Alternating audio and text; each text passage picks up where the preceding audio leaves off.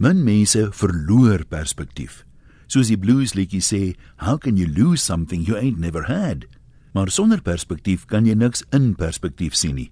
En dan sien jy soms nie eers raak wat reg voor jou oë is nie. Vat nou maar ons opvoedingsstelsel. Na republiekwording in 1961 is daar 'n begolf van Afrikaner nasionalisme wyd beroepe gedoen vir 'n baba vir die republiek. Destyds het min Afrikaners universiteitsopleiding gehad en baie van die babas wat na hierdie wekroep gebore is, sou die eerstes in hulle familie wees om verder te gaan leer.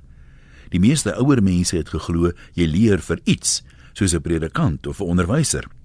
Soos die oom vir my gevra het, Wat is 'n man nou as hy 'n B-kom graad in sy baadjie sak het? Wel, destyds was hy 'n meneer, maar as jy perspektief het, sal jy sien hoe tye verander het.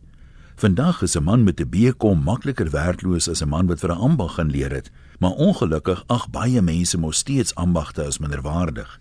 As 'n mens na die skoolstelsel kyk, het baie min oor die jare verander.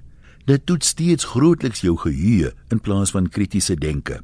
Tog vier ons die grootliks betekenlose uitslaa met trots. Dan moet ons hoor die meeste eerstejaars lees en skryf so vrot dat hulle sal sukkel om enige vak deur te kom. Hulle druip soos vliee en die wat algemene grade deurkom is hoegenaamd nie van werk verseker nie. Hoekom sou hulle wees? Daar's dan niks spesifieks wat hulle kan doen nie.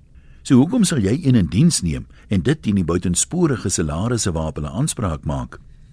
Ons praat maklik van vraag en aanbod wat pryse bepaal, maar hoekom kan ons nie insien dat daar nie meer so groot vraag is na die produkte wat universiteite lewer nie? Dit is helaas nie die reddingsboei uit armoede waarvoor dit so wyd aangesien word nie. Die feit dat die wêreld se rykste mense meestal nie grade het nie, moet tog 'n wekroep wees. Iemand vra nou die dag hoekom laerskoolonderwysers vir 'n paar jaar moet gaan studeer. Hulle moet dan sekerlik die laerskoolwerk aan baas raak nadat hulle hoërskool voltooi het. En hoe lank vat dit nou om te leer om 'n kind te leer? Die meeste ouers moet dit doen sonder enige opleiding. Hoekom die koste aangaan om 'n kind universiteit toe te stuur of gaan Zuma die Lucies etes en boeke ook gratis gee? Dis bloot 'n swak belegging. Groepsdruk onder studente het al menige laat val. Dis moeilik om nee te sê as jou kosuitsmaats liewer 'n bier wil gaan drink as om te studeer. En soos enige ouer van 'n tiener sal weet, maak bad boys en bad girls baie aantreklike rolmodelle as verantwoordelike bleeksiele. Vandag kan jy omtrent enige iets gaan Google en 'n video op YouTube kry oor how to do it. Is dit dan nie tyd vir aanlyn onderrig op groter skaal nie? Jy kan 'n fris rekenaar koop wat jare gaan hou met net 1 jaar se koshuisgeld.